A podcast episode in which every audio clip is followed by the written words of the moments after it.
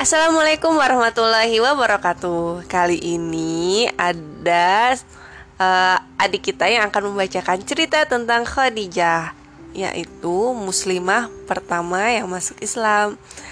Yuk, kita dengar ceritanya. Khadijah adalah wanita saleha yang pertama menjadi muslimah. Khadijah adalah istri per, istri pertama Rasulullah, meyakininya sebagai utusan Allah. Khadijah bekerja sebagai pedagang, dia berjual berbagai macam barang. Bu, beli dagangannya, Bu.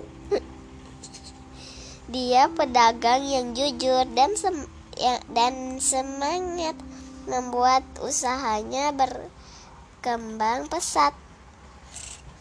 Rasulullah pernah bekerja pada Hadijah menjalankan usahanya dengan penuh amanah.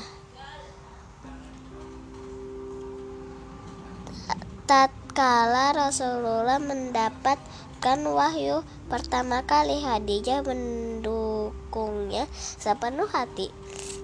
Khadijah adalah orang pertama yang masuk Islam tidak gentar meskipun kaum musyrik miskin selalu mengancam. Dia mengikuti Rasulullah menyebarkan Islam secara pelan-pelan menyerukan ajaran kepada handai dan taulan. Khadijah mempelajari ajaran Islam setiap saat agar menjadi muslimah yang taat.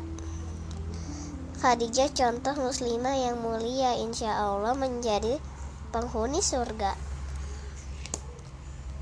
Selesai. Alhamdulillah, semoga kita semua bisa meneladani ketaatan dari muslimah pertama yaitu Ibunda Khadijah. Amin. Amin.